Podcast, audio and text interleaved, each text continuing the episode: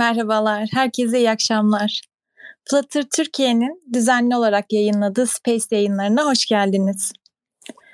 Biliyoruz ki düzenlediğimiz bu Space yayınları aynı zamanda e, Spotify'da podcast olarak da paylaşılıyor. O yüzden eğer şu an e, kaçırırsak veya sonradan dinlemek istersek yine Flutter Türkiye'nin Spotify hesabından yayınlara ulaşabiliriz. Bu yüzden e, şu an başlayabiliriz.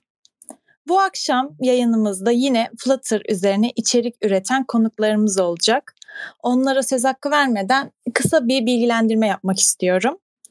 Flutter Türkiye Ankara'da e, Flutter Ankara olarak düzenli olarak her ay bir etkinlik yapıyor ve bu etkinliklerde birçok içerik üretiliyor. Gerek workshop, gerek konferanslar bu isteğe göre değişiyor. Ve bu akşam da konuklarımız Semih ve Alpay olarak geçen hafta Flutter Ankara'nın etkinliğinde farklı konularla ilgili sunumlar yaptılar. Biz de bu akşam onlara e, konuları hakkında istediğimiz gibi sorular soracağız. E, şimdi bu konuşmacılarımıza e, istek atalım. Onlar bağlanana kadar e, hangi konulardan konuşacağız? Bunlardan bahsedelim.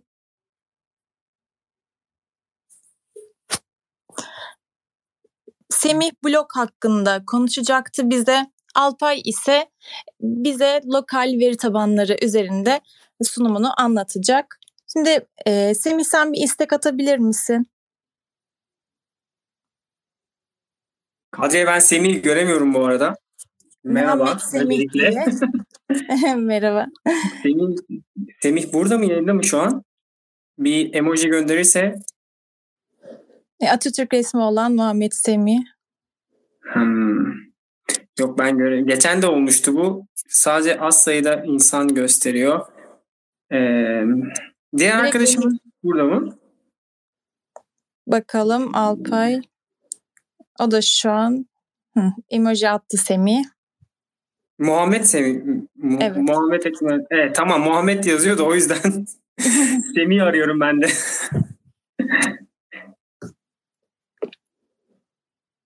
Evet isteğimizi attık mı? Attık evet. Gelmiş olması lazım. Tamamdır. Teşekkürler bu arada. Teşekkürler Kadriye bu akşam e, bu yayını sürdüreceğin için. Ben teşekkür ederim. Keyifle e, bu yayına katılmak istedim açıkçası. Uzun zaman olmuştu katılmayalı.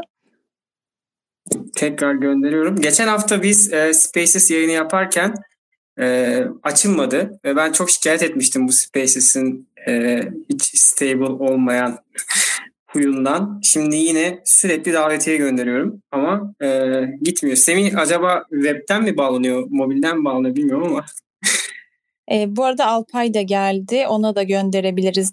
Evet Alpay'a da göndereyim. Artık Semih veya Alpay önce kabul eden. evet. Ha, Semih geldi süper. Semih ile başlayalım o zaman. Harika. Hoş geldin Semih. Hoş bulduk. Merhaba. Sesim geliyor mu acaba? Evet geliyor. Bize biraz e, kendinden bahseder misin kısaca? Ee, herkese merhaba. Öncelikle iyi akşamlar, iyi yayınlar dilerim. Adım Muhammed Semih. E, Medipol 2. sınıf öğrencisiyim. E, yaklaşık 8 aydır Flutter'la uğraşıyorum. E, şu an halihazırda bir şirkette Flutter Developer olarak çalışıyorum. Kendimi geliştirmeye çalışıyorum. Harika.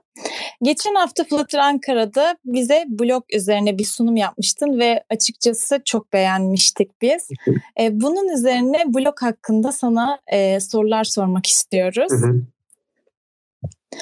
E, öncelikle böyle temelden eğer sormak istersek e, Flutter State nedir? State Management nedir diye bir soru yöneltmek isterim.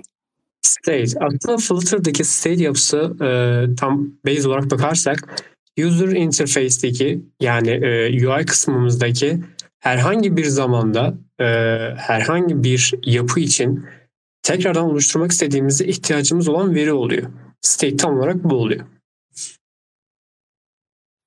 Harika. Peki biz Flutter'ın default gelen state management'ından hariç neden böyle alternatif kullanma ihtiyacı duyuyoruz? Neden blok kullanma ihtiyacı duyuyoruz?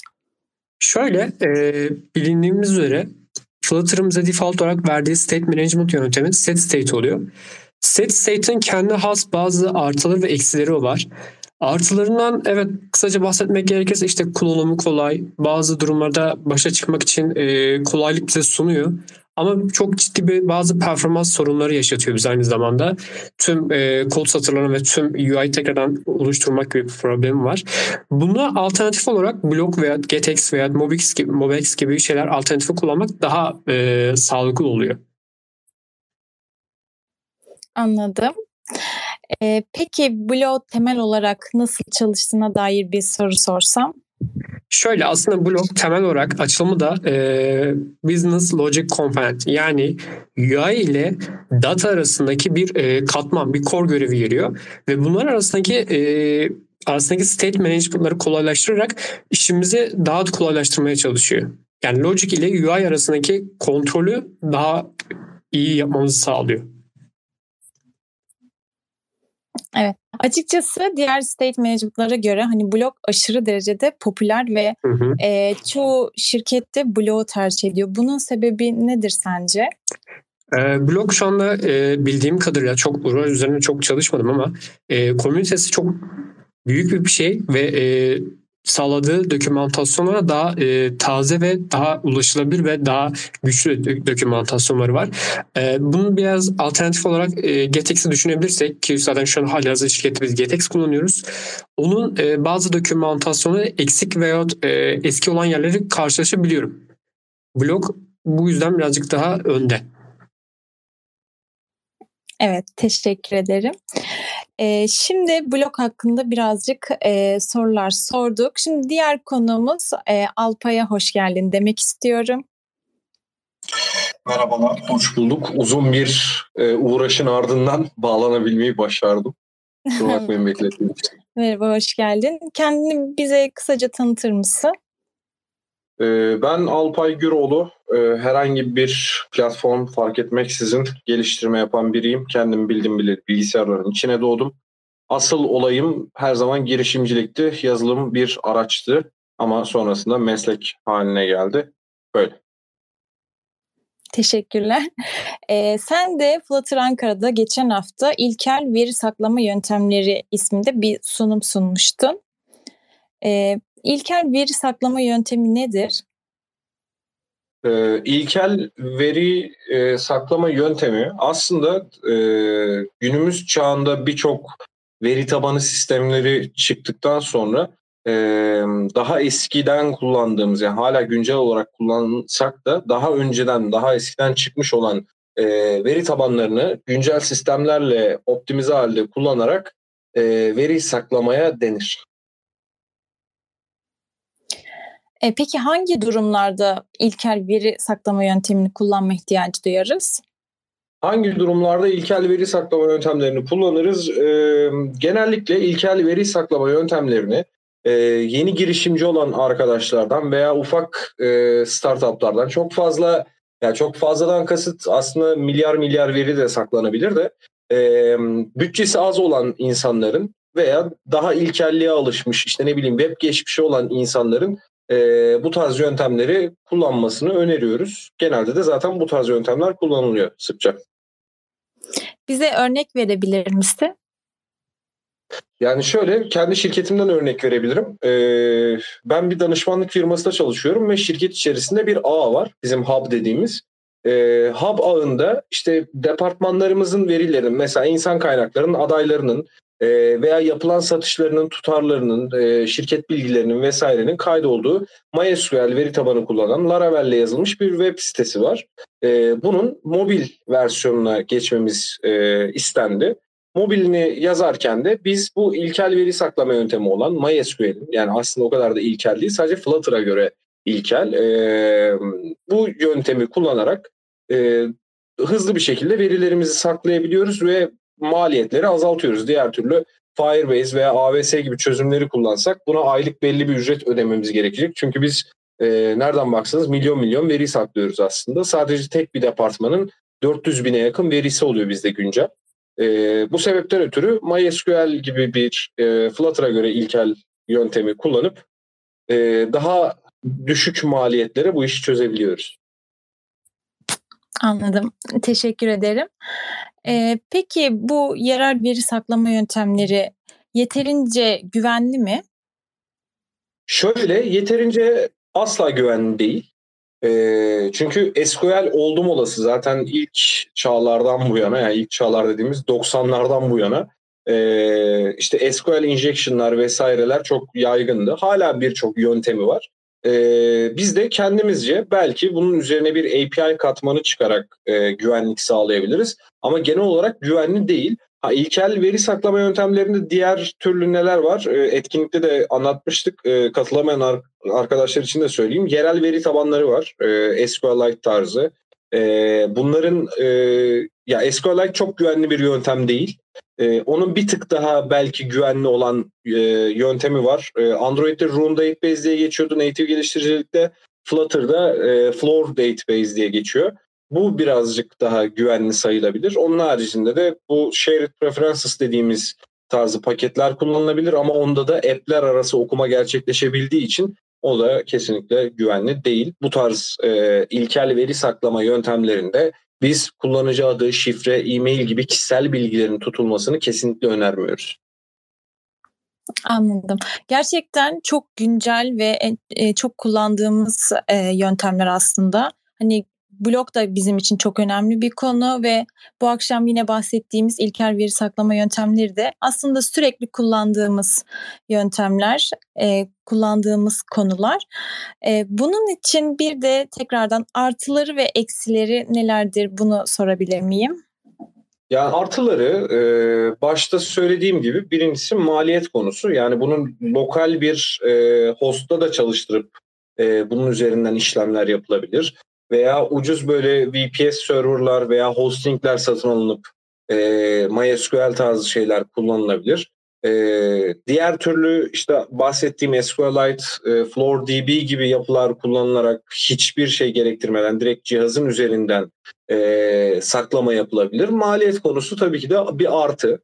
E, bunun haricinde yıllardır alışıla gelmiş olan query'leri, e, kaynaklarını internetten bulup öğrenmesi çok kolay e, bu tarz veri tabanlarına bağlantı yapmak, veriyi kaydetmek, kurut işlemlerini yapmak çok kolay. Bu da bir artı sayılabilir. E, alan bakımından yani barındırdığımız alan bakımından da e, az yer kapladığı için de e, bir artı sayılabilir. Eksilerinin zaten en büyüğü güvenlik. E, diğeri de eskimiş yöntemler kullanıyor olmamız. Tabii ki de e, yani kullanıcı tarafında da her zaman güncel veri tabanlarıyla çalışmak hız açısından açıkçası daha iyi oluyor. Artı bu tarz güncel veri tabanları da zaten daha güvenlikli oluyor. O yüzden e, eksi olarak da eskimişliği diyebiliriz. Teşekkürler. Evet bu akşam e, hem blog üzerine hem de bu e, ilkel veri saklama yöntemleri üzerine oldukça konuşacağız. Eğer sizin de sorularınız varsa siz de e, istek atabilirsiniz. Siz de sorularınızı sorabilirsiniz arkadaşlar. Çağatay senin soruların var mıdır? Evet benim e, yani aslında bloktan ya da state management'tan sabaha kadar konuşabiliriz. Blok başlı başına çok e, böyle hot topic dediğimiz bir konu. Onun dışında database ile ilgili, lokal database'lerle ilgili benim e, sorularım var. E, peki şey son önce şeyle başlayalım. Database ile başlayalım. Benim kafamda bir soru var. E, bu güvenlikten bahsediyoruz. Bu güvenlikte ne gibi mesela hani örnek olarak mesela injection dışında, SQL injection dışında e, cihazda bir database'i kaydetmekten mi bahsediyoruz? Flutter uygulamasında bir e, datayı kaybet, kaydettikten sonra ne gibi güvenlik riskleri var mesela örnek olarak? Yani şöyle e, bir uygulamada işte e, yerel bir veri tabanı çalıştıracaksak örnek veriyorum SQLite olsun bu. Sonuç olarak sistem dosyaları içerisinde, uygulamanın sistem dosyaları içerisinde nokta .SQL veya nokta .db uzantılı bir veri tabanı oluşturuyor ve bunun üzerine her şeyi kaydediyor. Ee, buna farklı bir app üzerinden, işte zararlı bir app üzerinden diyelim ki internetten bir APK indirdik e, Android'de ve bu da işte crackli bir APK olsun. Ee, içerisinde böyle bir kod barındırıyorsa e, girip bu verileri çok rahatlıkla başka bir uygulamadan okuyup e, içerisindeki veriler okunabilir veya farklı bir senaryo olarak e, bu veri tabanını direkt e, farklı bir yere bu APK yolluyor olabilir. Oradan okunabilir. bu tarz sorunlar yaşanabilir. Bu tarz güvenlik açıkları yaşanabilir. Daha bir sürü senaryo var. Sonuçta no system is safety. Ee, böyle. Evet e, ya zaten şöyle de bir şey var. Mesela bu reverse engineering dediğimiz şey çok yaygın.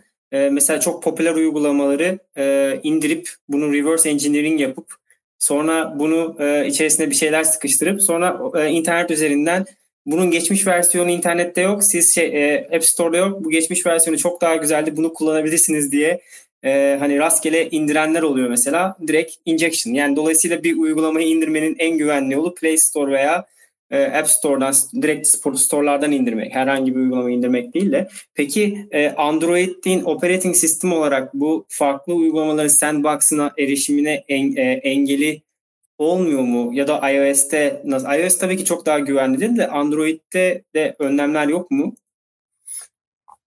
Yani şöyle bu daha çok e, developer'ın alması gereken önlemler var. İşte ara katmanlar yazmak, direkt dosyalara erişim vermemek, e, ne bileyim e, şifreleyerek kayıtlar birçok yöntem var aslında developer tarafında. Ama Android yani hepimiz aşinayız bence. Bu konulara çok aşırı takmayan e, bir işletim sistemi. Çünkü cihaz fark etmeksizin çalıştırabiliyorsun Android'i. Android'in en büyük özelliği o.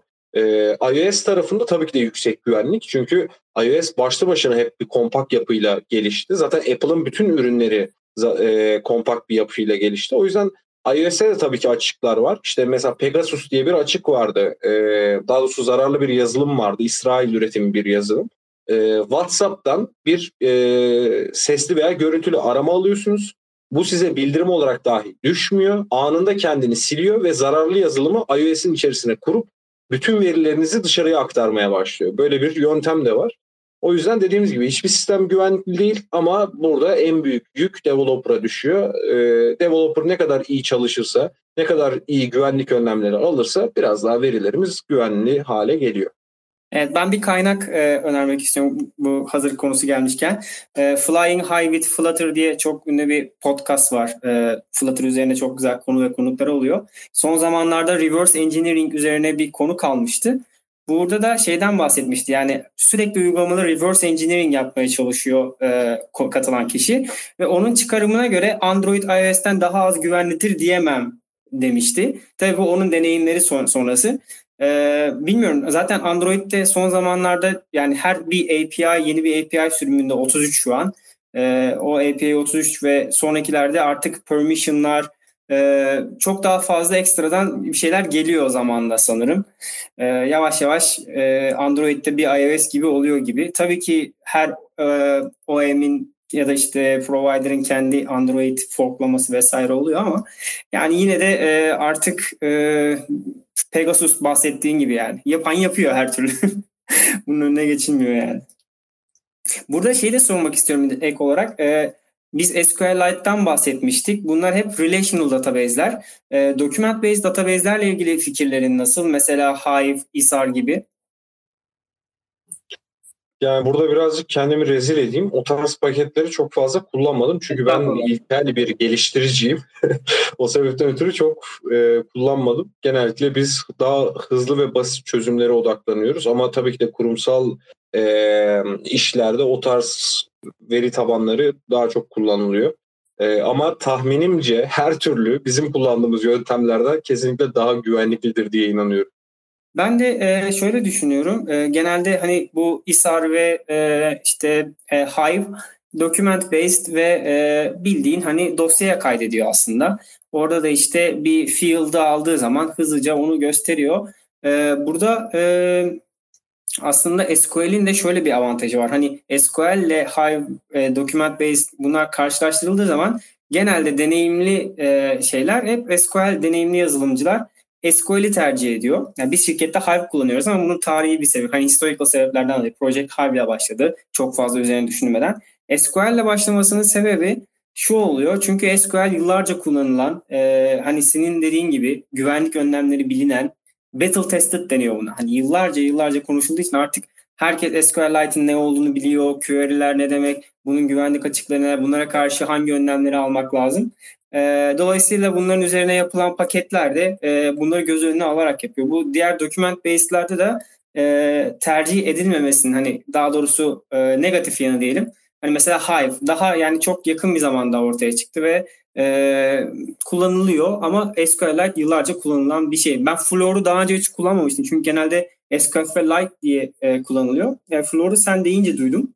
Ona da bir bakacağım. Ya Floor daha kullanışlı. Çünkü ben etkinlikte de anlatmıştım. Yani SQLite'da e, query çalıştırma olayı e, beni çok kasıyor. Ya onun haricinde tabii ki de fonksiyonlarla artık güncel versiyonda insert vesaire kullanabiliyorsun ama e, bir şeyleri daha parçalayıp daha böyle e, klasörleme, klaslama mantığıyla çalışmak istiyorsak, daha temiz kodlar kullanmak istiyorsak Floor daha iyi ve ara katmanları var sürekli. İşte bir e, entity klası oluşturuyorsun. Orada model oluşturuyorsun aslında. Daha sonrasında bir data access object oluşturuyorsun. İşte orada da query'lerini çalıştıracağın kısım DAO yazıyorsun. En sonunda da bir veri tabanı oluşturup bunu DAO ile bağlayıp artık bütün işlemlerini DAO üzerinden e, çağırıp yapıyorsun. Hive aslında biraz daha şey ya e, ne ona shared preferences mantığıyla yani bir kutunun içerisine bir şey koymak gibi. E, burada aklıma gelen bir diğer çözüm yerel veri tabanlarında bir şey saklayacaksak biz mesela PHP'de böyle yapıyorduk. E, şifreleme yöntemleri kullanılabilir. Yani bütün verileri e, iç içe mesela 3 kez şifreleyip tabii ki de işte MD5 falan artık çok rahat kırılabilir halde de işte e, SHA 264 ile vesaireyle daha birçok şifreleme yöntemi var. Bunlarla mesela bir veriyi uygulama içerisinde 3 kez şifreleyip daha sonra sadece uygulamanın çözeceği şekilde e, kodlarsak bir tık daha güvenli hale getirebiliriz. Ee, şimdi bizde zaten e, hani birçok uygulama artık hani lokalde böyle çok kritik şeyleri kaydetmiyor diye düşünüyorum. Ne düşünüyorsun bu konuda? Hani genelde böyle şeyler hep backend'te alınır ve konsüm edilir diye düşünüyorum. Lokalda kaydedilen şeyler biraz daha preferences tarzı şeyler oluyor sanki. Dolayısıyla uygulamanın konseptine de bağlı olarak hani bu güvenlikle mesela yani çok health uygulamasıdır. Burada lokalde bir şey kaydediyorsunuz. Privacy'dir vesaire. WhatsApp gibi böyle tabii ki sensitive uygulamalarda da e, önemli ama genel olarak mesela çok sık konsüm edilen uygulamalarda mesela bir alışveriş sitesi yapıyorsun işte insanların en fazla bilmiyorum tabii ki o da sensitive olarak düşünülebilir ama yani şunu söylemek şuraya bağlamak istiyorum. Genelde yazılımcılar bu e, senin bahsettiğin gibi bu lokal database kullanırken çok fazla bu güvenlik detaylarına girmiyorlar. Açıkçası ben seninle beraber hani bunun önemini bu kadar çok e, vurgulayan e, biri developer olarak hani ilk defa karşılaştım. E, tabii ki çok önemli. E, bulunduğun domaine göre de önemi değişebilir. E, peki sen ne düşünüyorsun? Genelde böyle bir bilinç var mı kullanıcılarda yoksa bende mi yok? Ya şöyle genellikle tabii ki de bu önemsenen bir şey değil. Sebebi de şu abi Türkiye şartlarındayız ve deadline dediğimiz bir olay var. Bir de uygulamanın yani birçok mesela e, Semih de e, benle beraber bir teklif aldı bir startup'tan. Daha doğrusu ben yönlendirdim. Bizim etkinliğimize gelen bir arkadaşın, arkadaşının e, startup'ıymış. Adam diyor ki abi uygulamanın yüzde otuzundayız. Bir ay sonra hemen çıkmamız gerek. Yani diyoruz ki bak kardeşim bunun daha testleri yazılacak ne bileyim e, API bağlantıları kontrol edilecek, veri tabanına bir şey kaydedeceksek herhalde bunun güvenliğinin önlemi alınması lazım gibi gibi daha birçok senaryo var. Ama işte Türkiye şartları, Türkiye standartları belki yurt dışında da böyledir bilmiyoruz. E, deadline süresi ne kadar kısaysa güvenlik o kadar azdır. Veya bir product'ta e, feature'larımız ne kadar karışıksa e, genellikle güvenlik o kadar azdır abi. Evet, evet. Ya bizde de yani SQLite'e tekrar dönecek olursak hani bu document based veya relational database dediğimiz iki farklı data saklama yöntemi. Ee, SQLite, SQL e, gibi şeyler relational database'ler. Hatta şu an ben bu Floor'un dokümantasyonuna girdim. Orada hemen bir primary key gördüm. yani sonra işte bunun bir foreign key var. Bu table'lar var. Table'lar arasında ilişkiler var vesaire böyle query'ler oluyor. Ee, onun dışında alternatif olarak document based'de de tek bir dokümanda her şey oluyor ve burada mesela Fire Firebase'in Firestore'u e, tamamen bir document based oluyor. Dolayısıyla mesela e, şeyde relational database'lerde bir veri olduğu zaman bu veri genelde bir yerlerden bir table'dan oluşuyor. O table'dan alıyorsun. Ama document based'de e, aynı veri farklı yerlerde, farklı dokümanlarda tutmak avantajlı oluyor ve e, document based'in olayı aslında hızlı olması. Çok hızlı bir şekilde o datayı alıyor.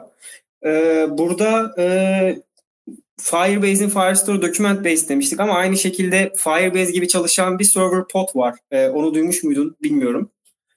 E, server pod'un da yine Firebase benzer bir servisi. O da e, document based değil, relational, relational database. E, hani alternatif olarak geçen Flutter Türkiye'nin Telegram grubunda sorulmuştu. E, ben Firebase, e, ben e, backend as a service kullanmak istiyorum. Ama Firebase kullanmak istemiyorum çünkü o document based. Alternatif olarak ne var? Ee, server pod'tu galiba yanlış anlamıyorsam. Evet server pod. Ee, bir daha kontrol ederim ben bunu. Ee, bu ikisi arasındaki farkları da tabii ihtiyaçlara göre değerlendirmek gerekiyor. Ee, ben mesela Firestore kullanırken e, aynı yani bazen çok gereksiz data yani gereksiz yere duplicate oluyor. Tamamen bu hızla alakalı. Neyse bu birazcık soru değil de yorum gibi oldu. Ama senin hani document based'e göre çok fazla hani yaklaşmıyorsun sanırım. Bunda bir özel sebebin var mı yoksa daha önce bir deneme ya da ihtiyaç mı doğmadı? Ee, ilk önce bu server pod dediğimiz e, işlemlerin hızlanması için webdeki server side'ın mobil versiyonu gibi bir şey mi? Ya Serverpod değildi. Ben onu unuttum ya. Serverpod şu an aklıma geldi de ismini unuttum. Bir tane daha bir şey daha var da. Belki Serverpod'tur. Sen bir devam et. Ben bir şu an Google'lıyorum. Kusura bakma. onu bana da iletirsen çok mutlu olurum. Ee, şöyle aslında bunu da etkinlikte anlatmıştım. Bu Firestore'un vesairenin atasını eğer çalıştırmak istiyorsak basit bir şekilde e, bu tarz yerel veri tabanlarına veya direkt SQL veri tabanlarına 2012'den sonra gelmiş bir özellik var e, sadece string, boolean, işte ne bileyim varchar, int gibi şeyler kaydetmek yerine JSON verisi de kaydedebiliyorsun. Ya aslında bu e, şeyle document based'la aynı mantaliteye geliyor. Document ee, evet, document zaten. Yani direkt key ve value kaydediyorsun. O yüzden hem relational hem de document based kullanmak istiyorsak aslında bu tarz SQL e, yani relation e, altyapılı veri tabanlarında JSON verisi ve e, Polygon ID'ler kaydederek birbiriyle hem iletişime geçirip hem de böyle document based e, veriler kaydedebiliriz. O yüzden daha çok e, SQL tarafına yakın. Çünkü SQL sana çok fazla seçenek sunuyor bu konuyla alakalı. Evet. E, bu arada server pod değil çok yanlış. E, Supabase. Supa base. Yani S U P A base. Base. Base. Hemen, bu da hemen diyor, open source e, you can query it with SQL. Ee, işte bak burada şöyle satıyor mesela şey diyor hani neden Firebase kullanmayayım diye Supabase kullanayım diye söylediğinde diyor ki You can query it with SQL, a proven and powerful query language. Yani burada şuna vurgu yapıyor. Hani SQL kendisini ispatlamış, battle tested dediğimiz powerful bir e, query language olduğu için bizi kullanın diyor. Ve işte e, evet Postgres extensionları vesaire de varmış. Neyse o da alternatif olarak e, lafı gelmişken e, söyleyelim. Bu arada ben çok teşekkür ederim. Konuklarımızda soru varsa davet gönderebilirler. E, ben şu an çok fazla kontrol edemedim. Speaker gö- daveti göndermiş bir arkadaşımız varsa ona da ona da söz verebiliriz. Alpay çok teşekkür ederim. Çok keyifli bir sohbetti. Ee, senin söylemek ben istediğin şeyler ederim. var mı? Ben teşekkür ederim. Benim için de çok keyifli bir sohbetti. Son anda katılamayacak gibiydim. Bir rahatsızlık geçirecek gibiydim. Allah'tan topladık. E, aranızda olmaktan çok mutluyum. E, çok çok teşekkür ederim tekrardan. Beni dinlediğiniz için sağ olun. İyi akşamlar dilerim. İyi akşamlar diyeceğim. Son kez bir şey daha soracağım. Ee, tabii. Makalelerin ve farklı içeriklerine arkadaşlarımız nereden ulaşabilir? Seni Twitter'dan takip edebilirler tabii. Hemen burada görebiliyoruz. Şöyle Asimolpik hatta chat'e de yazayım ben direkt. Bütün platformlarda aynı kullanıcı adını kullanıyorum. Hı hı. Ee, sonu Q ile Asimolpik diye aratırsalar Google'da bütün içeriklerime erişebilirler. Çok teşekkür ederiz. Kadriye sözü vereyim sonra bloğa tekrar dönebiliriz. Tamamdır. Çok teşekkürler Alpay. Ayrıca Alpay'ın e, bu ilkel veri saklama yöntemlerine dair makalesine de ulaşabilirsiniz. Etkinlikten önce bir makale de yazmıştı. O şekilde tekrardan e, bloğa dönebiliriz. ya blogla ilgili e, biz de işte Flutter 1001'de statement state management ile ilgili daha bir bölüm çekmedik ama e, orada da bahsedeceğiz. Yani e, Getix'ten bahsediyoruz, Blog'dan bahsediyoruz, Mobix'ten bahsettik. Bir de şimdi aslında e, daha çok olay e, şeye döndü yani blog mu e, yoksa e, provider ya da yeni e, versiyonuyla e, River neydi adı? Riverpod. Riverpod. Evet Riverpod. Riverpod evet. Geçen yani etkinlikte aslında... de söylediler. Riverpod'da anlatabiliriz falan diye. Ya, aslında... ya bu arada evet, o buyurun. gün o Riverpod'u duyduğumdan beri unutamıyorum ve gerçekten de çok iyi bir state yöneticisiymiş. Ee, şöyle provider'ın devamı olarak hani e, yazarı devamı olarak Riverpod'u yapıyor. Riverpod'da da şöyle bir şey var. Anonim, anonim diyorlar da bilmiyorum ama provider kelimesinin harflerinin yerini değiştirdiğinde Riverpod kelimesini türetir. Yoksa Riverpod çok anlamsız bir şey. Oo, şu an aydınlandım ben. evet, e, şeyde ya aslında bu e, blog bu Very Good Ventures'ın hani şu an en çok bilinen e, Flutter Consultancy e, şirketi dünya çapında. Burada e, Felix'in paketi. Very Good Ventures'ın işte Very Good CLI, Very Good Analysis, Very Very Good paketleri var böyle çok fazla ve çok kaliteli iş yapıyorlar. E, blog e, bu Very Good Ventures'ın sürekli desteklediği zaten Felix Very Good Ventures'ta çalışıyor. E, çok e, dokümantasyonu çok iyi, çok profesyonelce hazırlanmış ve e, structured yapıda çalışmak isteyen e, şirketler çok fazla e, kullanıyor. Biz de şirkette blok kullanıyoruz ama blok paketi kullanmıyoruz. Kendi site projelerinde de ben blok kullanıyorum. Ama e, blok paketi kullanmıyorum evet. Kendi blok çözümümüzü kullanıyoruz. Blok bir patern aslında. Bir kütüphanesi de var tabii. Bu patern üzerine yazılmış bir kütüphane. Felix'in yazdığı. Şimdi aslında olay bir de şöyle. Bir de Remi var. Remi'nin yazdığı Provider e, var. Provider'da e, şöyle oluyor. E, Google'la soruyorlar işte Flutter çıktığında. Google çalışanları diyor ki yani aslında çok da önemli değil ama kullanacaksınız, başlayacaksınız provider'la başlayın. Neden? Çünkü provider inherited widget dediğimiz bu Flutter'la gelen normal hani olması gereken, daha doğrusu olması gereken SDK'nin içerisindeki state management çözümü inherited widgets. Bu çok kötü bir sintaksa sahip olduğu için işte bilmem ne of bile diyerek hani e, bir state management yapıyoruz. Ondan sonra set state vesaire kullanıyoruz. E, bu provider aslında bu inherited widget'ın daha güzel yazılmış hali. E, context watch dediğimizde e, yeniden build ediyor o subtree'yi hangi elementin aşağısındaysa. Context read dediğinde o işte provider'dan datayı okuyor. E, burada e, Provider e, Remi'nin yazdığı işte 2018-19 mu emin değilim. İşte Flutter'ın yeni olduğu dönemlerde bir paket çok fazla kullanılıyor. Hatta e, şeyde Remi paylaşmıştı e, o aşırı sayıda şu an 10 bin miydi bilmiyorum ama tekrar bakacağım Twitter'dan çok fazla e, repository provider'ı kullanıyor.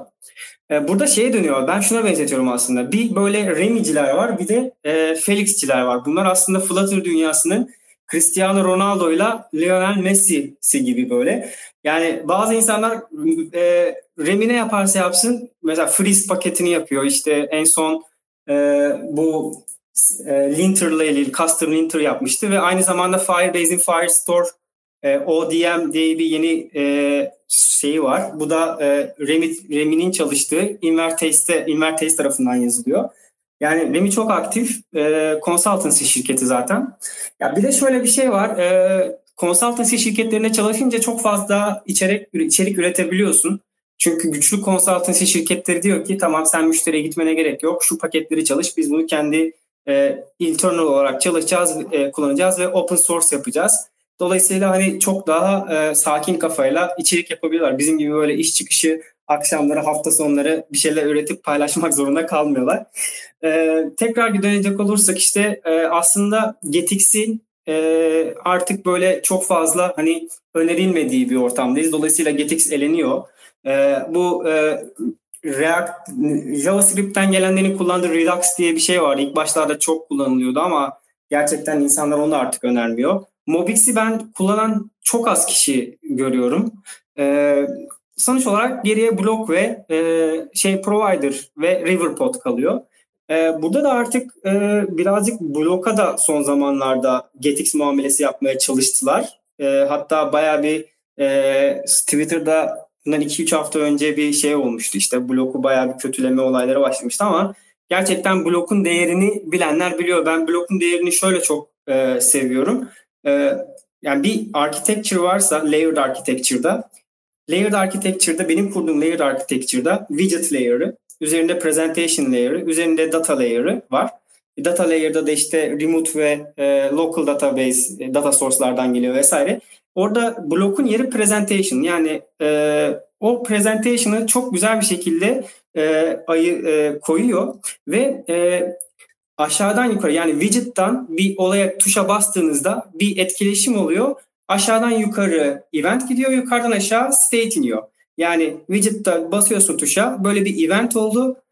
E, presentation'a o event gidiyor. Sonra presentation aşağı doğru state'i gönderip artık sen böyle ol ya da işte Navigator Pop ya da Analytics ile ilgili bir şeyler yap gibi komandlar gönderiyor. Dolayısıyla bana daha çok structured geliyor. Ama e, Gazian Hoca'nın da bir Riverpod sunumu vardı Flutter Türkiye'de de. Benim anladığım kadarıyla da e, Riverpod'da daha çok bir data driven oluyor. Hani e, blog, event ve state driven ama e, şeyde de Prova, e, Riverpod'da da data driven e, mesela bir counter diye bir class var diyelim. O class'taki her değişime göre e, widget yeniden build ve build oluyor. Tekrar Semi sana e, dönecek olursak eğer e, senin provider'la başlama bir şeyin oldu mu? Sonra bloka mı geçtin? Yoksa direkt blokla mı başladın? Provider'ı için edin mi? Tekrar merhaba. Şöyle e, ben şu an çalıştığım şirkete daha başlamadan önce daha çok e, Riverput'la e, ve Block'la üzerine çalışıyordum. Yani side projelerimi onunla yapıyordum. Şu anki şirketime geldiğim zaman da GetX'e başladım. Açıkçası GetX'i çok sevdim. Çünkü işlerimi çok kolaylaştırıyordu. Ama bu anladığım kadarıyla bir o kadar da sevmeyen taraf varmış GetX için. Ee, ben şu anlık sevdim ama şu an şey düşünebilirim. Yani keşke birazcık daha e, blogun üzerine düşseydim. Birazcık daha irdeleseydim diye düşünüyorum. Evet.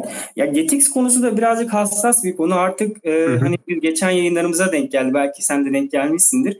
Hani artık Flutter developerların böyle sosyal medyada geyik yaptığı yani e, ben bunu Flutter 1001 yayında da söylemiştim. Artık muhabbeti baydı yani. Tamam GetX kötü eyvallah ama hani gerçekten bunun üzerine yapılan şakalar e, birazcık e, sıkıcı olmaya başladı. E, yani Scott Stoll'u tanıyor musunuz bilmiyorum. E, Flutter komünitesinin lead'i. Yani Flutter Community e, Google tarafından recognized community lead. Hani Scott'un ile ilgili çok opinionated, kendine e, kendi fikirlerini yazdığı Majid'in ve bir sürü e, e, sosyal medyada ya da işte genel olarak üreten, paket üreten insanların yorum katıldığı Getix kötülemesi vardı. Hatta Google'da sol Getix yazarsan eğer oradaki şeylerini söyleyebilirsin. Ben bunu Remi ile de konuştum. Hı hı. E, çünkü şöyle e, yani aslında Getix'in e, burada yaptığı şey e, insanların sevmemesinin sebebi e, bu konteks yapısını yap, e, discard ederek hani onu göz önüne hiç evet. almayarak bir şeyler yapmaya çalışması. Ben bunu kendi makalemde de yazdım işte. Hani konteks aslında e, nedir onu anlamak çok önemli. Konteks senin e, ağaçta nerede olduğunu bulmana yarıyor. Mesela e, işte bin bir yayında da söylemiştim. Navigator of Context dediğimiz şey aslında bir inherited widget'ta işte o benim şu an içinde bulunduğum widget'a en yakın navigator'a gir, gir ve pop veya işte push yap. Hani o kontekst senin GPS'in gibi nerede olduğunu biliyorsun. Mesela e, Scout, mesela GetX'te sanırım şöyle bir şey vardı. E, toast mesajı gönderiyordu galiba değil mi? Snack bar mesajı mı gönderiyordu GetX? Evet, evet. Evet, get nokta snack bar. Evet, şimdi e, snack bar dediğimiz şey aslında scaffold'un bir parçası. Hı-hı. Yani Burada ama hangi scaffold? Yani e, birden fazla scaffold varsa e, hangi scaffold'a gideceğini işte o kullandığın konteks çok e, yapıyor. Yani aslında orada sanırım şeyi yapıyor. En yakın scaffold'un snack barını göster şey snack mesajını gösteriyor. Ha şey de diyebilirsin. E, hani zaten her bir ekranda bir tane scaffold olması lazım. Ama Hı-hı. mesela şey olabilir. E, yani farklı e, scaffold örneği olması bile başka şeyler olabilir. Genel olarak konteksti kullanmamak bence ee, yanlış çünkü kontekste mesela size bilgisi her türlü bilgiye ulaşabiliyorsun widget'te ulaşamayacağın bilgiye. Ee, işte Remi'ye sorduğum şey burada e, hani ne ne olmuştu? Sen hani benim GetX'e karşı ve birçok insanın yaptığı şey şuydu. E, eleştiri şuydu. Sen hani tamam Flutter diye bir framework var. Sen bunu alıp bayağı bir değiştirip başka bir şey. Yani bu çok kolay deyip Flutter'ın temel noktalarını göz ardı edip daha da kolaylaştırıp e, insanlara bir şey sunuyorsun ama bu sustainable ve maintainable bir şey değil. İleride sorunlar yaşıyor e, şirketler. E, burada işte Remi'de şöyle Riverpod 2'de e, çok fazla işte hani e, provider'ın üzerine e, yeni konseptler geliştirdi. Mesela stateful widget veya stateless widget extend etmek yerine direkt consumer widget extend, extend ediyor. İşte e, build metodunda sadece context almıyor. Context bir de referans alıyor. Hı hı. Ee, yani artık o da frame, o da diyorum ki hani o da hani sen de Flutter'ı değiştiriyorsun diyorum hani Getix'in değiştirdiği gibi. O da diyor ki ben değiştiriyorum ama iyi yönde değiştiriyorum diyor. Yani en azından ne yaptığım belli oluyor. Çünkü e, orada gelen referans aslında e, başka bir şeyin elementi vesaire gibi.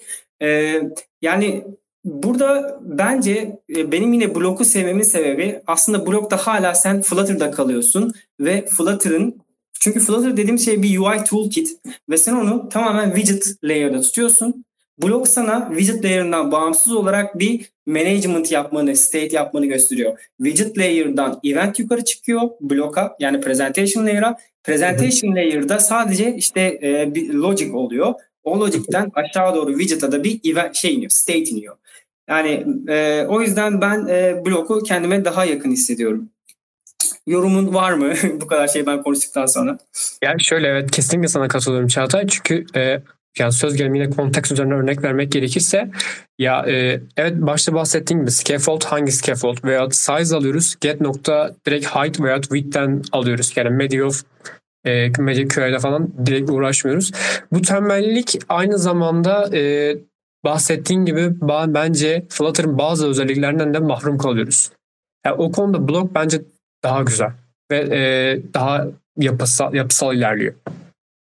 Evet evet katılıyorum. Ee, ben daha önce hiç Getix kullanmadığım için hani e, bu yapılan yorumları üzerine ve e, dokümantasyonu okuduğu kadarıyla yorumlar yaptım. Hı. Ama e, hani bu zamana kadar projelerini başarıyla devam eden arkadaşlara da hani memnunsanız evet memnun ama sosyal medyada benim gördüğüm bildiğin savaş açan insanlar var yani böyle. Evet hani evet. Getix diyor hemen üzerine atlayan insanlar var yani. Bu benim evet, yakın evet. arkadaşım var mesela Alessio var. İtalyan Hı. bir arkadaş denk geldim bilmiyorum Twitter'da. Hayır. Alessio'ya yani bir Getix yaz o seni bulur zaten. Ee, senin Alessio'yu aramana gerek yok. Twitter'a bir tweet, Getix diye bir tweet at. Üzerine atlar. Ee, evet, Alessio da e, şey e, en son Flutter Wikix konferansında e, architecture üzerine bir konuşma yapmıştı. O da e, konuşmada yakın zamanda Flutter Wikix'in işte e, videoları yayınlanıyor. Ona da tavsiye ederim. O da e, MVVM üzerine e, anlatmıştı. İşte Android tarzında Flutter uygulaması nasıl geliştirilir. Ama o Rival'ı önermişti. E, bence MVVM, MVVM için e, blok çok daha güzel. MVVM üzerine e, bilgin var mı genel olarak? Tam olarak hakim değilim o konulara. Evet. Yani bir MVP, MVC, MVVM gibi işte Model View Controller. Hatta onlara genelde MVX deniyor. O X yenen yere farklı şeyler geliyor. İşte MVC, Model View Controller, MVP, Model View Presenter, MVVM, Model View, V model olmak üzere. İşte bu e, bahsettiğimiz hani UI ve UI'yi hazırlayan o presentation layer'ını e, işte onun patterni. Aslında bunlar birer pattern, architecture değil. Architecture uygulamanın geneli oluyor. İşte hı hı. Microsoft zamanında MVC üzerine çok yapmıştı. E, hatta yine bu Flying High with Flutter'da MVVM üzerine özel bir bölüm çekildi. E, tavsiye ederim. Aslında eminim ki sen de blokla e, MVVM yapıyorsun. E, ben Benim aslında bloka seçmemin sebebi ben Android çıkışlıyım. Android'de V model var. Hatta iOS'te de V model var ama iOS'teki V model üzerine tam konuşamayacağım.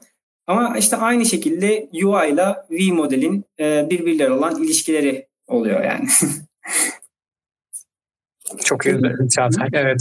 E, e, blogla ilgili testing üzerine yapıyor musunuz? Test yapıyor musunuz?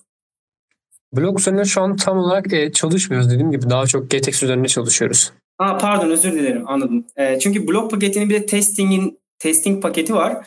Ben onu e, çok beğeniyorum. E, o paketi kullanmadım ama oradaki testing metodunu direkt e, kendi projeme entegre ettim. Hani unit test yazmak da çok güzel oluyor. O state'leri ve eventleri de çok güzel bir şekilde unit test edebiliyorsun.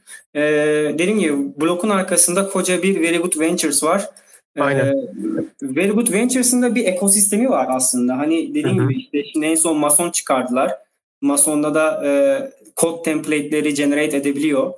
E, yani mesela, mesela blok yazacaksın. Direkt sana hani e, event ve state class'larını yaratıyor. Hatta Android Studio'da da öyle eklentiler var yine e, yaratıyor. Gibi. E, blog test üzerine ben de söz almak istiyorum. E, önceki şirketimde biz de Getix kullanıyorduk e, ve açıkçası Getix çok kolay olduğu için ben severek kullanıyordum. Fakat e, aynen. Fakat şimdi biz de blog geçtik ve blog üzerine bayağı bir yoğunlaşıyorum. Ve testleri de e, blok test kütüphanesini kullanarak yazıyorum. O, o şekilde başladım. E, ve baya bir kolay bir şekilde unit test yazıldığını gördüm. O yüzden ben de blog karşı baya bir ısındı. Güzel kütüphaneleri var. Evet, testing zaten e, yani birçok e, şirkette, daha doğrusu startup seviyesindeki şirkette, aslında startup da demeyeceğim, büyük şirketlerde de oluyor. Tamamen bu takımdaki mentaliteye, takım liderine bağlı. Hani e, hala yıl olmuş 2022 unit test gerekli mi gereksiz mi diye tartışmalar da dönüyor. Ben bunu anlamakta zorluk çekiyorum. Hala e, çok de, yetenekli senior developerları unit test yazmalısın diye ikna etmeye çalışmak bana çok e, garip geliyor artık. Yani söz konusu açılmışken öyle de bir kentte bulunuyorum. Evet. E, yani projelerin belli bir o coverage seviyesinin yüksek olması gerektiğine inanıyorum açıkçası ben de. Evet. Biz de e, coverage'ı yeni yeni %20'ye anca çıkardık. Ama tabii %100 e, coverage mesela bizim e, Göktuğ %100 için çok uğraşıyordu. Hatta onun da blog e, yani daha doğrusu unit testing üzerine blog üzerinde var. Unit testing üzerinde makaleleri var. E, hani %100 delisi olmasak bile bir reasonable bir şey iyi olur. Alpay'a burada tekrar buradaysa eğer Alpay burada mısın? Speaker buradayım buradayım. Evet. Sen de sen state management üzerine deneyimlerini paylaşmak ister misin? Yani şöyle e, ben tam state management'ların içine dalacağım esnada bu şirkette Laravel yazmaya zorunlu kılındım ama e, burada da yani Laravel'de yazsak yani webde de çalışsak, desktop'ta da, mobilde de çalışsak bir state management yapmak zorundayız. Mesela şu an bizim elimizde bir sohbet modülü yazma işi var ve orada da mesela webde bir e, state management çalıştırmak zorundayız. Hatta e, Semih de konuşmasında e, etkinlikte bahsetmişti. Facebook'un ilk zamanlarında işte F5 çekmek zorundaydık sohbet yenilensin diye. E, burada haliyle bir state management söz konusu. E, provider paketini kullandım. Biraz da Blue vesaire inceledim. Aslında temel yapı olarak e, bu Blue, GetX vesaire birbiriyle çok benzeri çalışıyor. Yani hepsinin mantalitesi aynı. E, Riverpod'un da aslında aynı. Ama sizin de dediğiniz gibi yani adam e, provider yazmış sonra demiş ki ben daha iyisini yapabilirim ve Riverpod'u e, çıkartmış. E, Riverpod'un kullanımı biraz daha basit geldiği için bana, daha böyle anlaşılabilir geldiği için, karmaşayı önlediği için ben daha çok e, Riverpod tarafındayım artık. Anladım. E, zaten bu mesela şu an e, Jetpack Compose e, Android'in Declarative UI e, şeyi paketi. Hani Jetpack Compose'u e, Android'de Google'da ararsanız eğer orada da ilk karşınıza çıkacak şey aslında kavramla o kadar birbirine benziyor ki orada da bir state management nasıl korunur, state nedir gibi e, açıklamalar var. Yani deklaratif UI olduğu zaman işin içerisinde mutlaka state giriyor. Ya şu an programın sonuna geliyoruz yavaş yavaş ama sen bir Laravel'den bahsetmiştin. E, Laravel için ben son zamanlarda çok duyuyorum. Ama bir Google'a baktığımda şu an PHP Framework diyor. PHP ölmemiş miydi ya? PHP asla ölmedi, ölmeyecek. Yani hepimiz ölsün diye bekledik. Yok öyle bir durum yok. Yani PHP asla ölmüyor. Laravel bir PHP framework ama Türkiye'de saçma bir şekilde e, çok tercih edilmesine rağmen çok fazla detaylı anlatımını bulamayacağınız bir framework. Yurt dışında çok kullanılıyor. Büyük şirketler tarafından falan da kullanılıyor veya orta ölçekli şirketler tarafından da. E, Laravel öğrenmek isteyen, öğrenmek zorunda kalacak olan arkadaşlara tek tavsiyem ellerini kana bulayıp tamamen patır kütür işin içine girmeleri. Çünkü e, herhangi bir yüksek işlevli dile hakimseniz, ya yani yüksek işlevliye de gerek Python'a dahi hakimseniz e, zamanla çok basit bir şekilde öğrenebileceğiniz bir framework. Anladım. Peki e, neden tercih ediliyor? Şöyle, e, Laravel aslında bizim mobil tarafta da mesela klasörleme yapıyoruz ya işte ne bileyim e, constantlarımızı ayrı bir yerde tutuyoruz, modellerimizi, servislerimizi vesaire birçok şeyi klasörleyerek tutuyoruz ve bunlara e, birer birer e, kendimiz yazmamız gerekiyor. Tabii bunun da hazır kütüphaneleri vesaire var. Bunları bizim yerimize hazırlayan. E, ama Laravel'de sadece tek satır terminal koduyla bir model oluşturabiliyoruz. Direkt bu modelle beraber migration dediğimiz e, yanında kendiliğinden e, bir veri tabanı objesi oluşturuyor ve e, orada yine kısa kodlarla hiç query çalıştırmadan e, otomatik bir şekilde veri tabanı oluşturmasını, bunun içerisindeki sütunları oluşturmasını sağlıyor. E, aynı zamanda da bir veri tabanı işlemi yapacağımız zaman herhangi bir paket vesaire kullanmadan direkt model objesini kullanıp bütün e, kurut işlemlerimizi yapmamızı sağlıyor. Aynı zamanda da kurduğumuz gibi e, authentication için olan sayfaları veya backend kısımlarını kendisi yazıp bize sunuyor. E, ekstradan çift faktörlü doğrulama gibi birçok seçeneği otomatikmen bize sunabiliyor. Gibi gibi birçok avantajı var. Hem clean çalışmak için yani clean code çalışmak için hem de yorulmayayım bütün işleri benim için yapsın diyorsanız Laravel iyi bir PHP framework bence. E, biraz daha Flutter ve Dart'a dönersek eğer bir gün bu Frog gibi Dart, full stack Dart ya da Dart framework'leri e, web e, pardon Dart server site kısmında düşünür müsün? Soruyu tekrar alabilir miyim? Şimdi e, Dart yani Flutter'ın dili Dart sonuçta Dart'la yazıyoruz. Hı hı. Bir de son zamanlarda artık işte Dart'ın e, full stack olup e, framework server e, mesela server kısmında Dart dili kullanılıp e, baştan aşağı mobilden e, backend'e Dart dilinde e, projeler yapılabiliyor. Mesela Very Good Ventures'ın yine Frog diye bir Dart server framework'ü var. Bir gün ona döner misin? PHP'yi mi daha çok seviyorsun? Yani şöyle e, ben sanmıyorum ki yani birazcık da araştırmıştım açıkçası bu web kısmını e, Dart'ın. Web değil, server kısmı. E, onu netleştireyim de ya, yanlış anlaşılmasın. Hani server ya. kısmında server server kısmını Dart gerçi bu Laravel web framework'tü değil mi? Evet evet. Ben yanlış anladım. Ben e, tabii bu web application framework diyor. Ben server framework sandım. Çok özür dilerim. Zaten ya, PHP'den... Server tarafı için aklında ne vardı mesela? Dart'la server'da ne yazılabilir? Evet, evet. Ee, şey, e, o zaman Flutter Web'ten konusu gelmişken Flutter Web'ten bahset o zaman deneyimlerinden. Yani şöyle Flutter'ın hem desktop hem web kısmı için birazcık araştırma yaptım. Ee, yani Türk geliştiricilerden en çok aldığım feedback şey oluyor. Hani daha hazır değil. Tamam bir şeyler yapabiliyoruz. Hani mobil benzeri işler yapabiliyoruz. Okey. Ama daha hazır değil. Yani bir e-commerce app yazmak istesek ya da e-commerce sitesi yazmak istesek o kadar verimli yazamayabiliriz. Ee, ama böyle basit ölçekli bir şeyler yazacaksak tercih edilebilir. Desktop da aynı şekilde tercih edilebilir. E, desktop tarafında biraz daha aktif olmaya çalıştığını görüyorum son zamanlarda Flutter ekibinin. E, ama şu anlık sanmıyorum. Yani ilerleyen süreçte tabii ki de güzel güncellemeler gelirse daha e, işte web'e de desktop'a da e, uyumluluk güncellemeleri getirilirse işlerimizi kolaylaştıracak şeyler eklenirse tabii ki de tercih edilebilir. Bu zaten e, aslında mottosu da sanırım bu Flutter'ın tüm platformlara zaten hitap etmeye evet. çalışıyor. E, tek bir elden her şeyin çıkması bütün süreçleri kısaltır.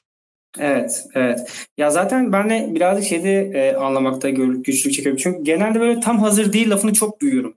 Genelde e, web'i sorduğumda. Ama ne hazır dediğimde, kar, hazır değil dediğimde karşıma çok böyle somut şeyler gelmiyor. Bir de burada da implementation da çok önemli. Mesela e, yani e, mesela bir e, sonsuz sayıda demeyeyim de böyle bilinmeyen ama çok sayıda bir spreadsheet oluşturmak işte e, dinamik olarak işte lazy build olacak şekilde. Mesela bunu çok optimize edilmiş bir şekilde sunumunu yapılmıştı e, Flutter Vikings'te. E, yani tam olarak bu aslında biraz daha şeyle alakalı. Yani mesela orada single child scroll bilip e, e, single child scroll ve column kullanıp bütün liste elemanlarını aynı anda yaparsan bu program zayıf olur zaten. Sonra bu neden scroll yavaş çalışıyor deyip bunda web'i suçlamakta birazcık haksızlık oluyor. Burada implementation'a bağlı ve dediğim gibi somut olarak ben neden e, web'e Flutter Web'e karşı çıkıldığını ya karşı çıkıldığım gibi tamam evet bir React kadar yine bir battle tested dediğim gibi çok yaygın kullanılmış birçok böyle e, sorunluğunu tahmin edilen bir şey değil ki zaten e, Flutter Web'de dediğim gibi e, yani %10, %10 en son geçen sene yapılan şeylerde %11'di. Bütün Flutter projelerinin %11'i Flutter Web'ti. Yani 10 projeden biri Flutter Web oluyor. Çok yaygın değil. Ama bu şöyle oluyor. E, işte en çok zaten Flutter Mobile ile başladı. E, sonrasından web desteği geldi. Sonra Windows desteği, sonra Mac desteği geldi. Bu hangi platformun daha çok kullanıcısı varsa ona göre oluyor. Flutter'a yapılan e, eleştirilerden biri, daha doğrusu Flutter yönetimine yapılan eleştirilerden biri de hani siz daha iOS'i e, netleştirmemişken, Flutter'ın mobil olarak çözülmesi gereken başka şeyler çözülmemişken birçok şeye gidiyorsunuz. İşte web yapıyorsunuz, desktop yapıyorsunuz. Hani daha web'i çözememişken desktop yapıyorsunuz. Hadi şimdi bir de game yapıyorsunuz vesaire. Yani insanlar birazcık böyle tepkide koyuyor. Ee, ama sonuç olarak bence e, ben kişisel olarak Flutter'ın bu One App Runs Everywhere yani benim için çok e, mantıklı bir şey. Özellikle startup gelen, kültüründen gelen e, düşük bütçeli şirketlerde e, yapılabiliyor. Yani benim bir önceki çalıştığım şirkette mobil ve web destekliyorduk. Tamam belki e, çok hakim değildik bir mobil develop, developer olarak web süreçlerine. E, ama e, müşteri o uygulamayı satın alıyordu. B2B'di. Satın alıyordu. Yani çözümü üretiyor sonuçta. Böyle. Ben de kendi ya bence dedim. öncelikle sorunu yanıtlayayım. Somut bir Hı. cevap alamıyorum dedin ya. Hı. E, Flutter'la yazılmış desktop şey desktop diyorum ya web uygulamalarına baktığın zaman hak vereceksin ki özellikle direkt UI'ına baktığında bir web sitesiyle Flutter'ın web sitesi arasında dağlar kadar fark var. Görünüş açısından bahsediyorum. Hı hı. İşlevsellik açısından Flutter'ın web'i ne zaman hazır olacak? Bence Flutter'ın web'i bizim klasik web'de yazdığımız yöntemleri e, orada karşılığını bulabildiğimiz zaman e, hazır olacak. Yani bir full stack developer e, yani web kısmından bahsediyorum. Flutter'la bir web app yazmak istediği zaman normalde kullandığı yöntemlerin Flutter'da tam net karşılıklarını bulabildiğinde ancak oturup e, okey abi ben artık Flutter'la web geliştirebilirim diyebilir. Mesela e, Python'ın şeyi vardı işte Flask vardı örnek veriyorum. Ben Flask'ı kullanırken gayet okeydim. Niye? Onun içerisine HTML gömüyordun ve artık backend'ini sadece Flutter'la yazıyordun. Ee, bir türevi Flutter'da da yapılıyor ama iş daha da uzamış oluyor. Yani adam onu yazana kadar şey diyor. Abi PHP'de yazayım geçeyim. Niye uğraşayım ki şu an? Ya zaman kaybetmek istemiyorum diyor. Dediğim gibi tam karşılıkları oturduğu zaman veya kullanıcıya daha geniş bir alan sunduğu zaman o zaman olacak ki abi Flutter artık web'e hazır. Ben e, şeye katılmıyorum e, tam karşılık olayına çünkü e, birazcık daha böyle açık fikirli olmak gerekiyor. Çünkü e, mesela ben e, Flutter projesine başladığımda 3 kişiydik bir önceki şirketimde. Yani 3 kişiden biri Python'dı, e, Python'dan geliyordu. E, biri de yeni Junior'dı. Dolayısıyla böyle e, ben mobilden geliyordum. Yani mobilden gelen mobilin e, şeylerini getirmeye çalışıyor. Python'dan gelen Python'ınki de getirmeye çalışıyor. JavaScript'ten gelen JavaScript'inkini getirmeye çalışıyor. Mesela hook diye bir şey var. Ben hala hook'un ne olduğunu bilmiyorum mesela. JavaScript şey Flutter'da hala hook var.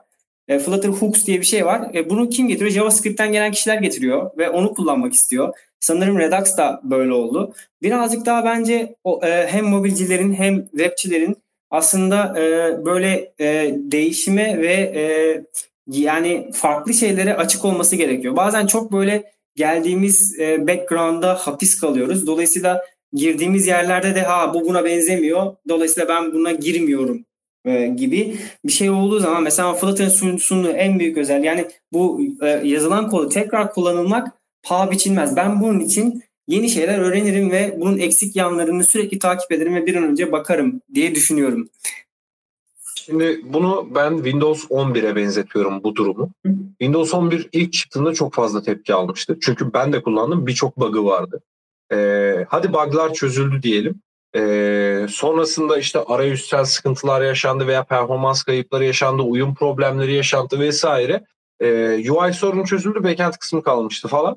Ee, şu an bildiğim kadarıyla 2H22 güncellemesi aldı. Ee, bu sayede daha artık optimize bir halde çalışıyor. Daha iyileştirildi, daha normalleştirildi daha doğrusu. Şu an e, Windows kullanmaya Windows 11 ile başlayan biri Windows 11'i eminim ki çok sevecektir. Ama Windows 10'dan 11'e geçen kişi biraz daha garipseyecektir yeni gelen değişimlerle. Bu da aynı şekilde zaman isteyen bir süreç aslında. Yani evet. Flask ilk çıktığında da herkes demedi ki abi Flask çok iyi. Hadi artık bütün her şeyi Flask'la geliştirelim. Öyle olsa zaten artık PHP yerine Flask kullanırdık veya ne bileyim Django kullanırdık gibi gibi. Daha birçok çözüm var aslında. Bu zaman gerektiren bir şey. Tepkilerin geçmesi evet. de zaman gerektirecek bir şey. Yani sa- sanıyor muyuz ki işte mesela Android'de de Jetpack Compose çıktı. Herkes bir anda şey dedi abi bunun yazımı daha zor. Ne gerek var ki? Java'da biz zaten bunu hallediyorduk veya Kotlin'de biz zaten bunu hallediyorduk. okey işlerimizi kolaylaştırıyor ama işte zor geliyor bize yazması diyordu ki Jetpack Compose normal bir e, geliştirmeye göre Kotlin Java geliştirmesine göre biraz daha efektif bir bakış açısı. Aslında işleri çok daha kolaylaştıran bir bakış açısı. Dediğimiz gibi uyum her zaman birazcık zaman gerektirir. Evet zaman gerektiriyor ve o yüzden bence şey e, eleştirilerine katılmıyorum dışarıdan gelen. Yani şimdi web'e ne gerek vardı ya da desktop'a ne gerek vardı? Sen şeyi master et yani iyice e, yap. Ya bu zaman gerektiren şeylerde de işte bunu zamanı yayıp yani Flutter demiyor ki şu an bizim en güçlü yanımız web ya da bizim en güçlü yanımız desktop. Yani mesela e, Flutter'ın SDK'nin içerisinde Cupertino var. E, materyal var e, kütüphane olarak. Direkt onları hazır kullanıyoruz. Ama Flutter desktop'u stabil yaptı ama Fluent UI'yi ya da işte macOS'in UI'ını e, ya da işte Ubuntu'nun e, UI dizaynını içeriklerini SDK'ye eklemedi. Third party paketlere destek yapıyor. İşte e, yani bunlar bence senin dediğin gibi zamana yayılan şeyler. Dolayısıyla bence Flutter'ın bunlara girmesinde sorun yok. E, tabii ki en güçlü yanı değil Flutter'ın. Ama e, mesela Superbase var. E, işte e, desktop uygulamaları yapıyor. Yani bunu yapıp bundan para kazanan insanlar var yani. Ve bu gelişmelerde zamanla e, zaten open source olarak da e, yayınlanıyor. Zamanla umarım ilerleyen yıllarda artık gerçekten ben şeyde yani ben şu an Flutter'a başladıktan sonra yaklaşık iki yıl oldu benim.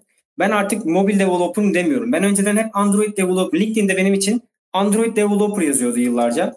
Sonra artık bu software developer'a döndü. Ben e, platformdan bağımsız e, yazılım yapabiliyorum. Benim, benim için önemli olan bu. Flutter da bunu çok güzel sağlıyor. Ya şu bir kere lafını balla kesiyorum. Çok geri zekalı bir söylem. Yani e, Flutter buna niye girdi? Yani arkasında Google gibi bir desteğin olduğu bir e, SDK'in bir şeye neden girdiği sorusunun hani cevabı verilmesine dahi gerek yok. Yani bu adam kendi işletim sistemini çıkarttı, bu adam kendi tarayıcısını çıkarttı. Yani zaten Google birçok alana girdi.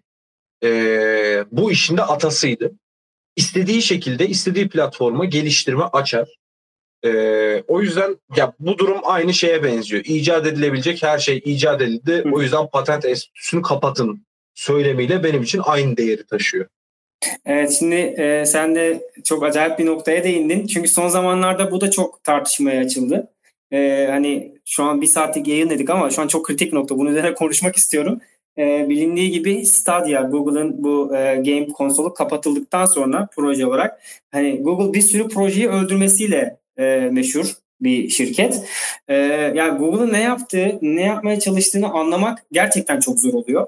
Şu an işte bir e, open bir projesi var Google'ın e, open source bir projesi. Kendi operating sistemini yazdı. O Fuchsia dediğimiz şey. Flutter'la geliştirilen UI'yı Rust, C++ ve Dart'la e, programlar geliştirilebiliyor.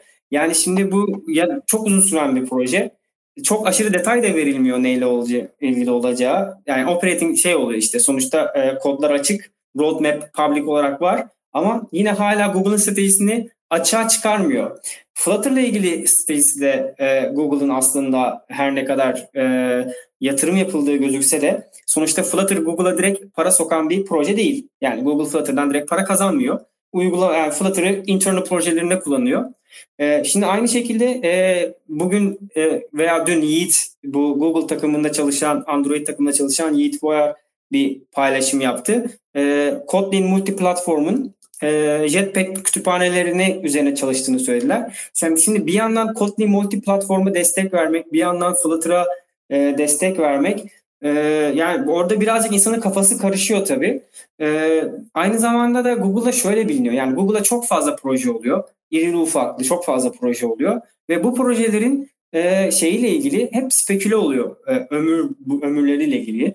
Biz mesela şirket içerisinde bizim çok e, yani 5-6 tane proje var. E, Bunları işte soruyorlar. E, biz ikna etmeye çalışıyoruz. Gelin bunları Flutter'a geçirelim diye. Bize sorulan ilk şey ya Google bu projeyi öldürürse, kapatırsa ne olur? Şimdi bu Stadia'nın kapatılmasından sonra e, Tim Smith bir açıklama yaptı. Yani yapmak zorunda değil ama bir açıklama yapmak zorunda hissetti kendini.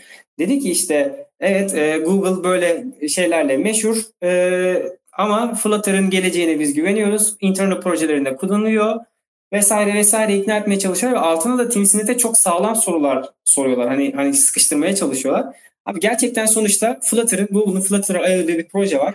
Google e, Flutter farklı platformlara e, de, açılıyor. Çok çılgın şeyler yapıyor. Ama bunları destekleyecek bir bütçe, bu kadar developerları yapacak bütçe var. Ve bu bütçeyi finansa edecek e, şeyleri Google eğer e, başka kanallara aktarırsa bu Flutter'ı çok rahat kapatır.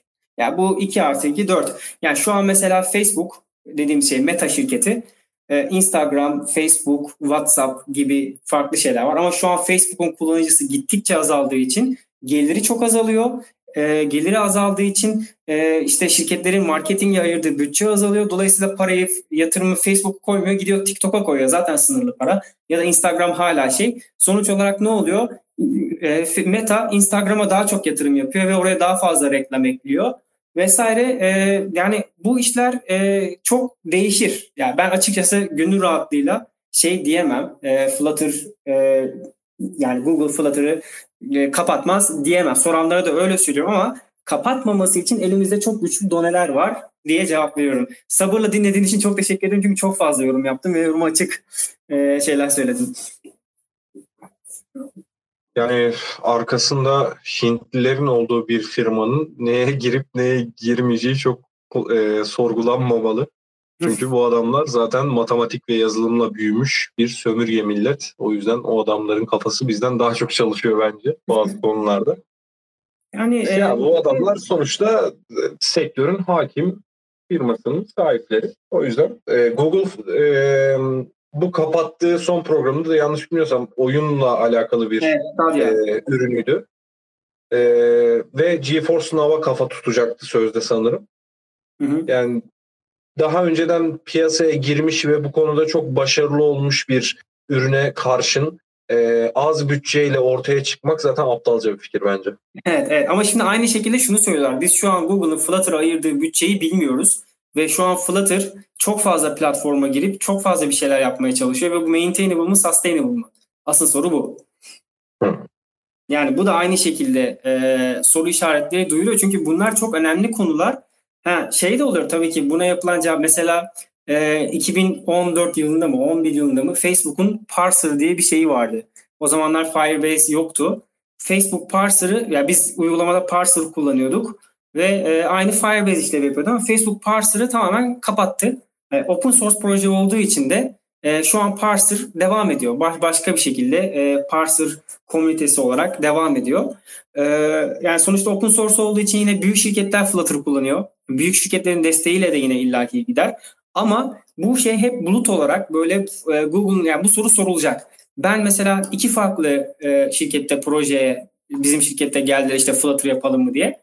Ee, ikisinde de sorduğu şey e, Google Flutter'ı sonlandıracak mı sonlandırmıyor mu? İnsanın aklına geliyor bu soru. Neyse bu da ayrı bir konu zaten. Nereden nereye?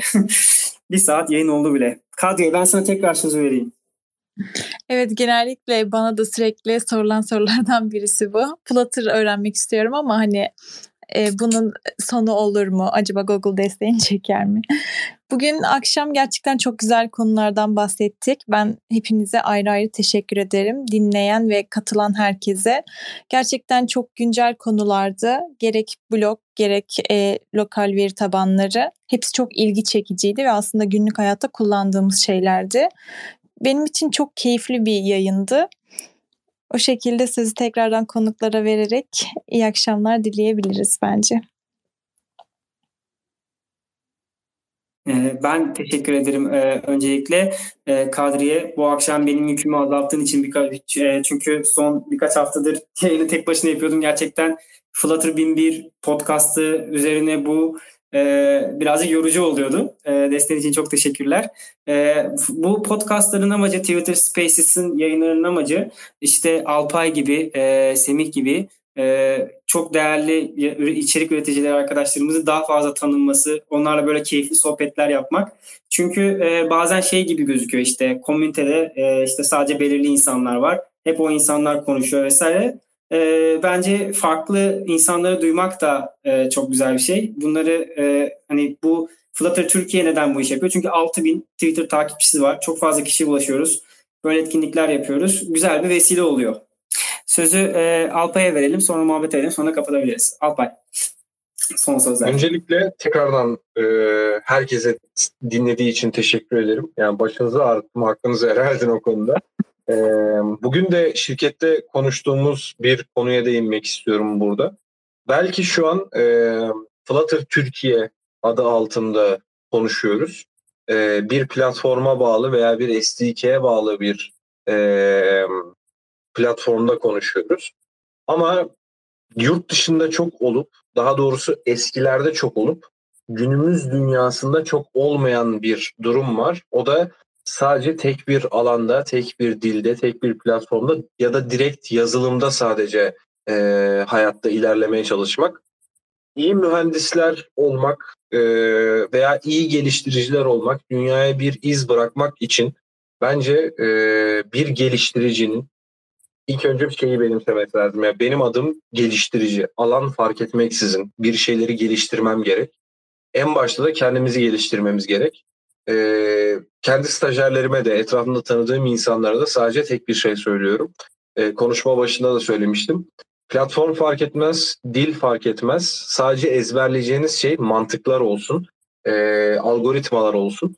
Bu sayede bir şey geliştirilmek istendiğinde sadece bu yazılımla alakalı değil, hayatta herhangi bir şeyde daha kısa çözümler bulabiliriz, insanlığa fayda gösterebiliriz. O yüzden elinizden geldiğince sanatta da, bilimde de veya diğer alanlarda da kendinizi geliştirmeye çalışın. Ee, bunun üzerine sık sık düşün. Uzun yaşayın ve başarılı olun. Tekrardan iyi geceler. Aa, buyurun Kadir Hocam. Çok teşekkürler Alpay. Semih? Aa, tekrardan teşekkür ederim. Öncelikle burada bana bu fırsatı verdiğiniz hepinize çok teşekkür ederim. Beni dinlediğiniz için de çok teşekkür ederim. Çok keyifli bir sohbetti. Ee, herkese iyi akşamlar dilerim. Biz teşekkür ederiz. Teşekkürler. Ben de iyi akşamlar diliyorum tekrardan.